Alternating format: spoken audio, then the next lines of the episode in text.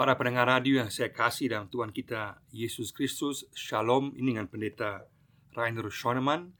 Pada saat ini kita bersama-sama akan merenungkan tema Dimampukan Tuhan mengampuni sesama. Dimampukan Tuhan mengampuni sesama. Kita akan membaca dari Lukas pasal 17 ayat 3b sampai 6 Lukas 17 ayat 3b sampai 6 Jikalau saudaramu berbuat dosa, tegurlah dia, dan jikalau ia menyesal, ampunilah dia.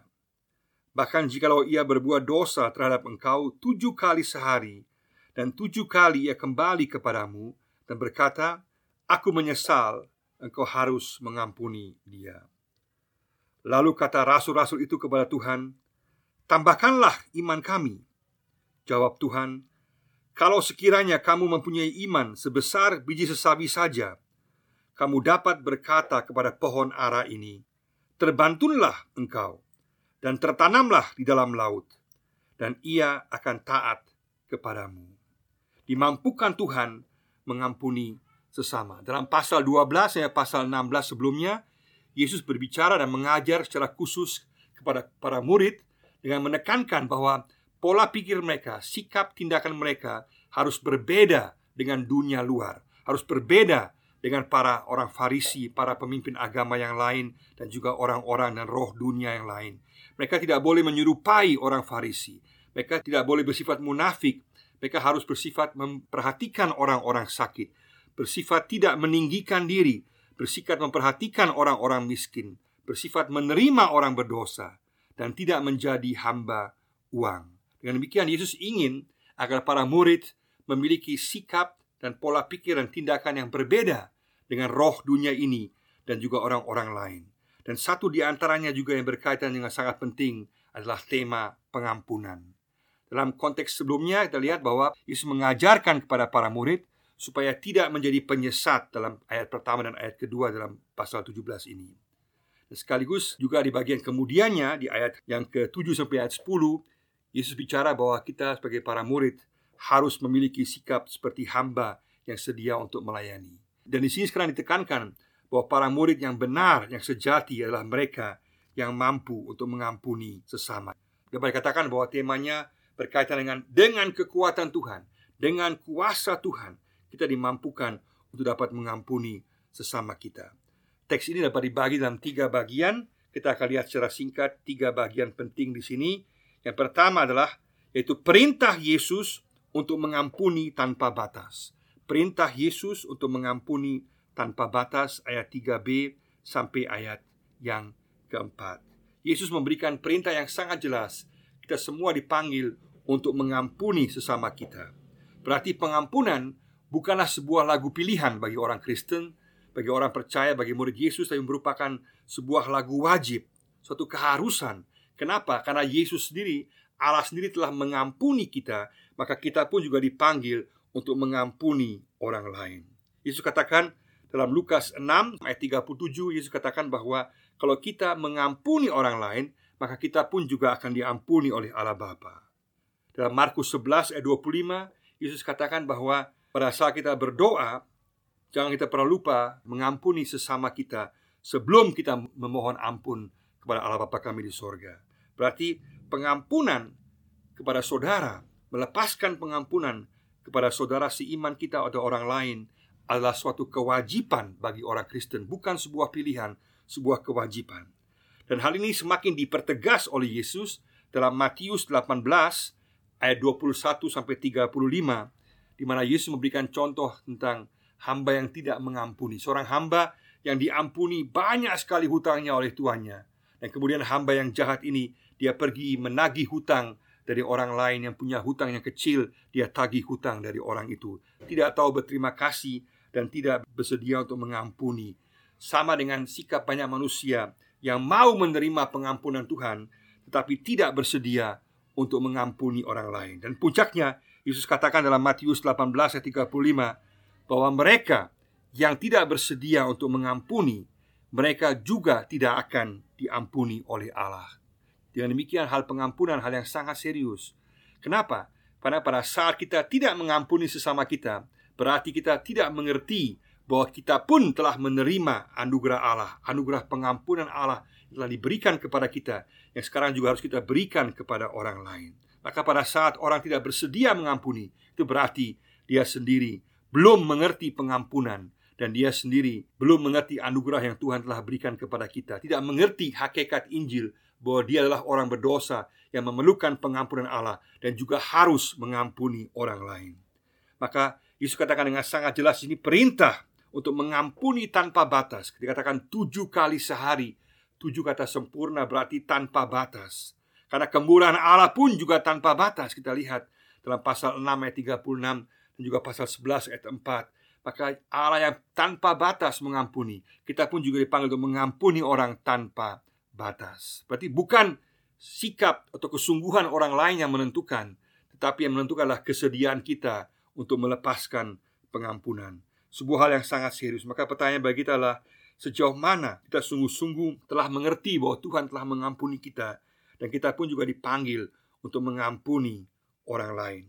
Itu hal yang pertama. Sejauh mana kita sungguh-sungguh mengerti bahwa kita dipanggil untuk mengampuni orang lain, bahwa pengampunan kepada orang lain merupakan suatu kewajiban, bukan sebuah pilihan, suatu keharusan, dan sekaligus menunjukkan sejauh mana kita memahami akan isi Injil yang berbisikan anugerah pengampunan kita telah diampuni dan kita pun dipanggil untuk mengampuni orang lain tanpa batas.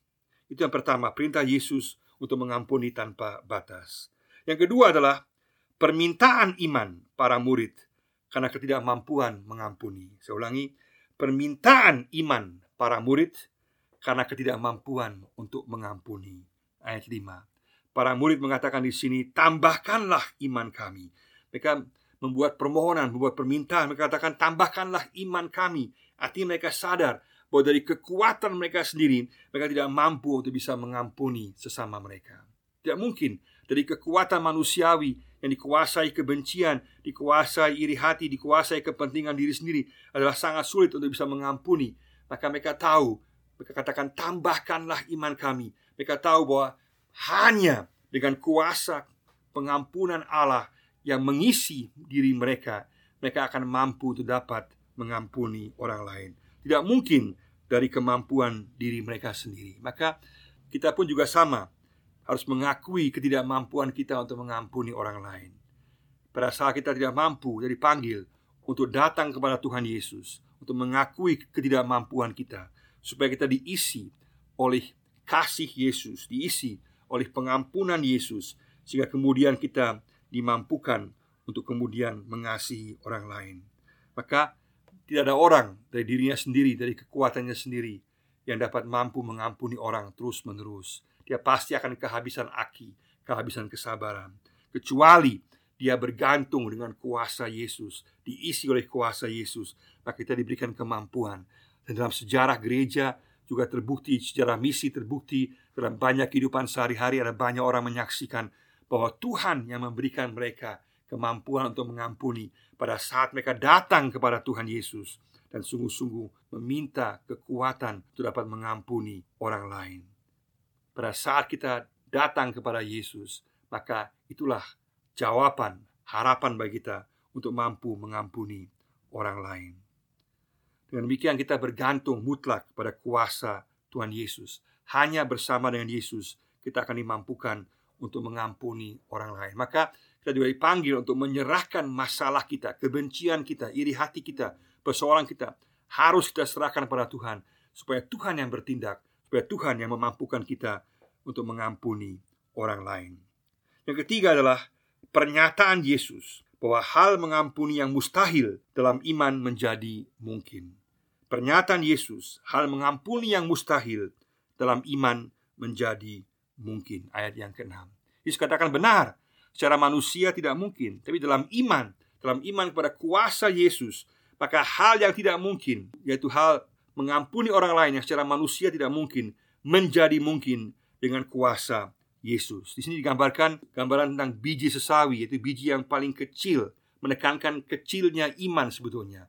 Meskipun iman kita kecil, tapi kita percaya kepada Tuhan yang besar, yang berkuasa, yang mampu memberikan pada kita kuasa pengampunan yang mampu membuat mujizat.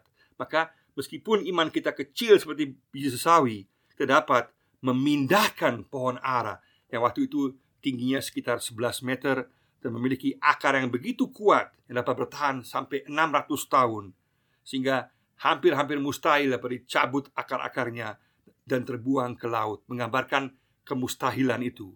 Tetapi dalam iman kepada Yesus, hal mengampuni yang sebetulnya mustahil bagi manusia menjadi mungkin bersama-sama dengan Yesus. Dengan demikian di sini mujizat di sini adalah mujizat pengampunan yang diberikan oleh Tuhan kita Yesus Kristus. Luar biasa. Maka pada saat kita menyerahkan diri kita kepada Yesus, menyerahkan persoalan kita kepada Yesus, maka mujizat pengampunan dapat terjadi karena Yesuslah yang dapat memampukan kita untuk mengampuni orang lain. Mujizat dapat terjadi, mujizat pengampunan dapat terjadi pada saat kita mengandalkan Yesus, menyerahkannya kepada Yesus. Pada saat kita memiliki masalah yang besar untuk sulit mengampuni orang lain, maka langkah-langkah praktisnya adalah pertama, kita harus jujur kepada Tuhan. Jujur terhadap perasaan kebencian kita dan juga ketidakmampuan kita untuk mengampuni. Jangan bersandiwara dengan Tuhan, katakan Tuhan, aku pada dasarnya tidak mampu mengampuni orang lain. Ada kebencian dalam diri saya, ubahlah saya. Yang kedua, kita juga harus menimbang kerugian diri kita sendiri. Sehingga pada saat kita terus-menerus membenci orang lain, maka orang lain gak rugi. Yang rugi adalah diri kita sendiri. Yang stres adalah diri kita sendiri. Karena kita sendiri yang terus-menerus dihantui oleh perasaan kebencian dan perasaan yang menekan diri kita. Yang ketiga, pada saat kita sulit untuk mengampuni, maka kita dipanggil untuk menyerahkan persoalan kita kepada Tuhan Yesus, supaya Dia yang melakukan mujizat. Maka mujizat akan terjadi pada saat kita menyerahkannya kepada Yesus, pola pikir kita akan dirubah, perasaan kita akan dirubah, sikap kita akan dirubah.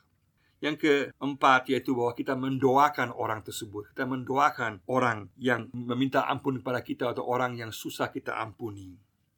Dan juga sungguh-sungguh kita membuat suatu komitmen yang baru Yang terakhir, yang kelima. Untuk sungguh-sungguh menyerahkan segala perasaan kebencian kita Ketidakmampuan kita untuk mengampuni. Kita sungguh-sungguh serahkan semua. Semua itu kita serahkan pada Tuhan Dan kita meyakini akan kuasa Tuhan Yang akan mampu bekerja dalam diri kita Yang sungguh-sungguh berkuasa untuk merubah situasi Dan memampukan kita dengan kasihnya Untuk mengampuni orang lain. Dan pada saat kita sungguh-sungguh serahkan Maka Tuhan yang akan bertindak Tuhan yang akan bergerak.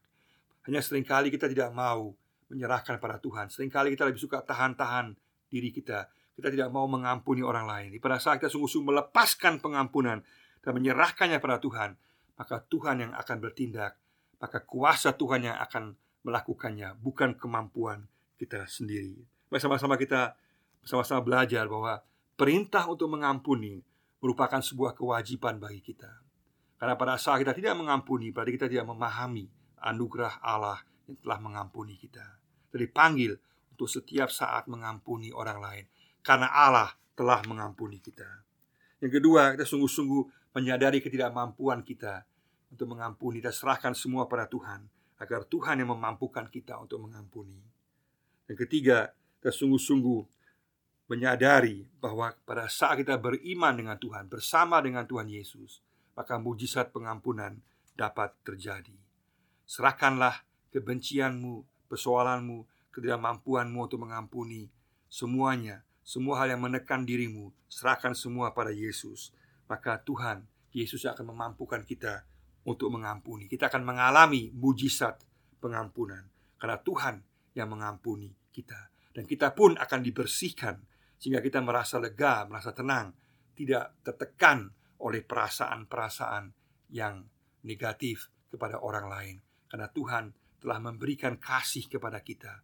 Tuhan telah memberikan damainya kepada kita sehingga kita mampu mengampuni orang lain. Mari sama-sama kita meyakini bahwa kita dimampukan oleh Tuhan untuk mengasihi sesama. Kita menyadari bahwa pengampunan adalah kewajiban bagi kita, mengampuni orang lain. Dan sungguh-sungguh kita menyerahkan semua persoalan kita, ketidakmampuan kita dalam tangan Tuhan. Dan kita sungguh-sungguh meyakini bahwa kuasa Yesus yang akan bertindak untuk melakukan mujizat pengampunan.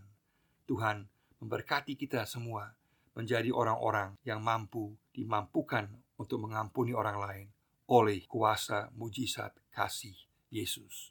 Tuhan memberkati kita semua. Amin.